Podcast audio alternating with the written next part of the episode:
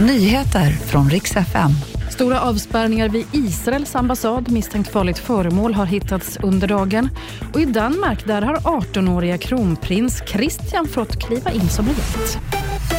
Ett misstänkt farligt föremål har hittats idag i närheten av Israels ambassad i Stockholm. Enligt uppgifter till Aftonbladet så ska det här handla om en skarp handgranat som någon kastat in över ambassadens staket. Personalen slog larm strax efter ett i eftermiddags och nu är ett stort område runt föremålet avspärrat och nationella bombskyddet har kallats till plats. En kvinna döms till livstids fängelse för mord och mordförsök på sina barn. Det här var i september som en kvinna i Vallentuna mördade sin dotter och knivhögg sin son. Båda var då under 15 år. En rättspsykiatrisk utredning har fastställt att hon inte lider av någon psykisk störning. Rätten var därför enig och kvinnan döms då till livstidsfängelse.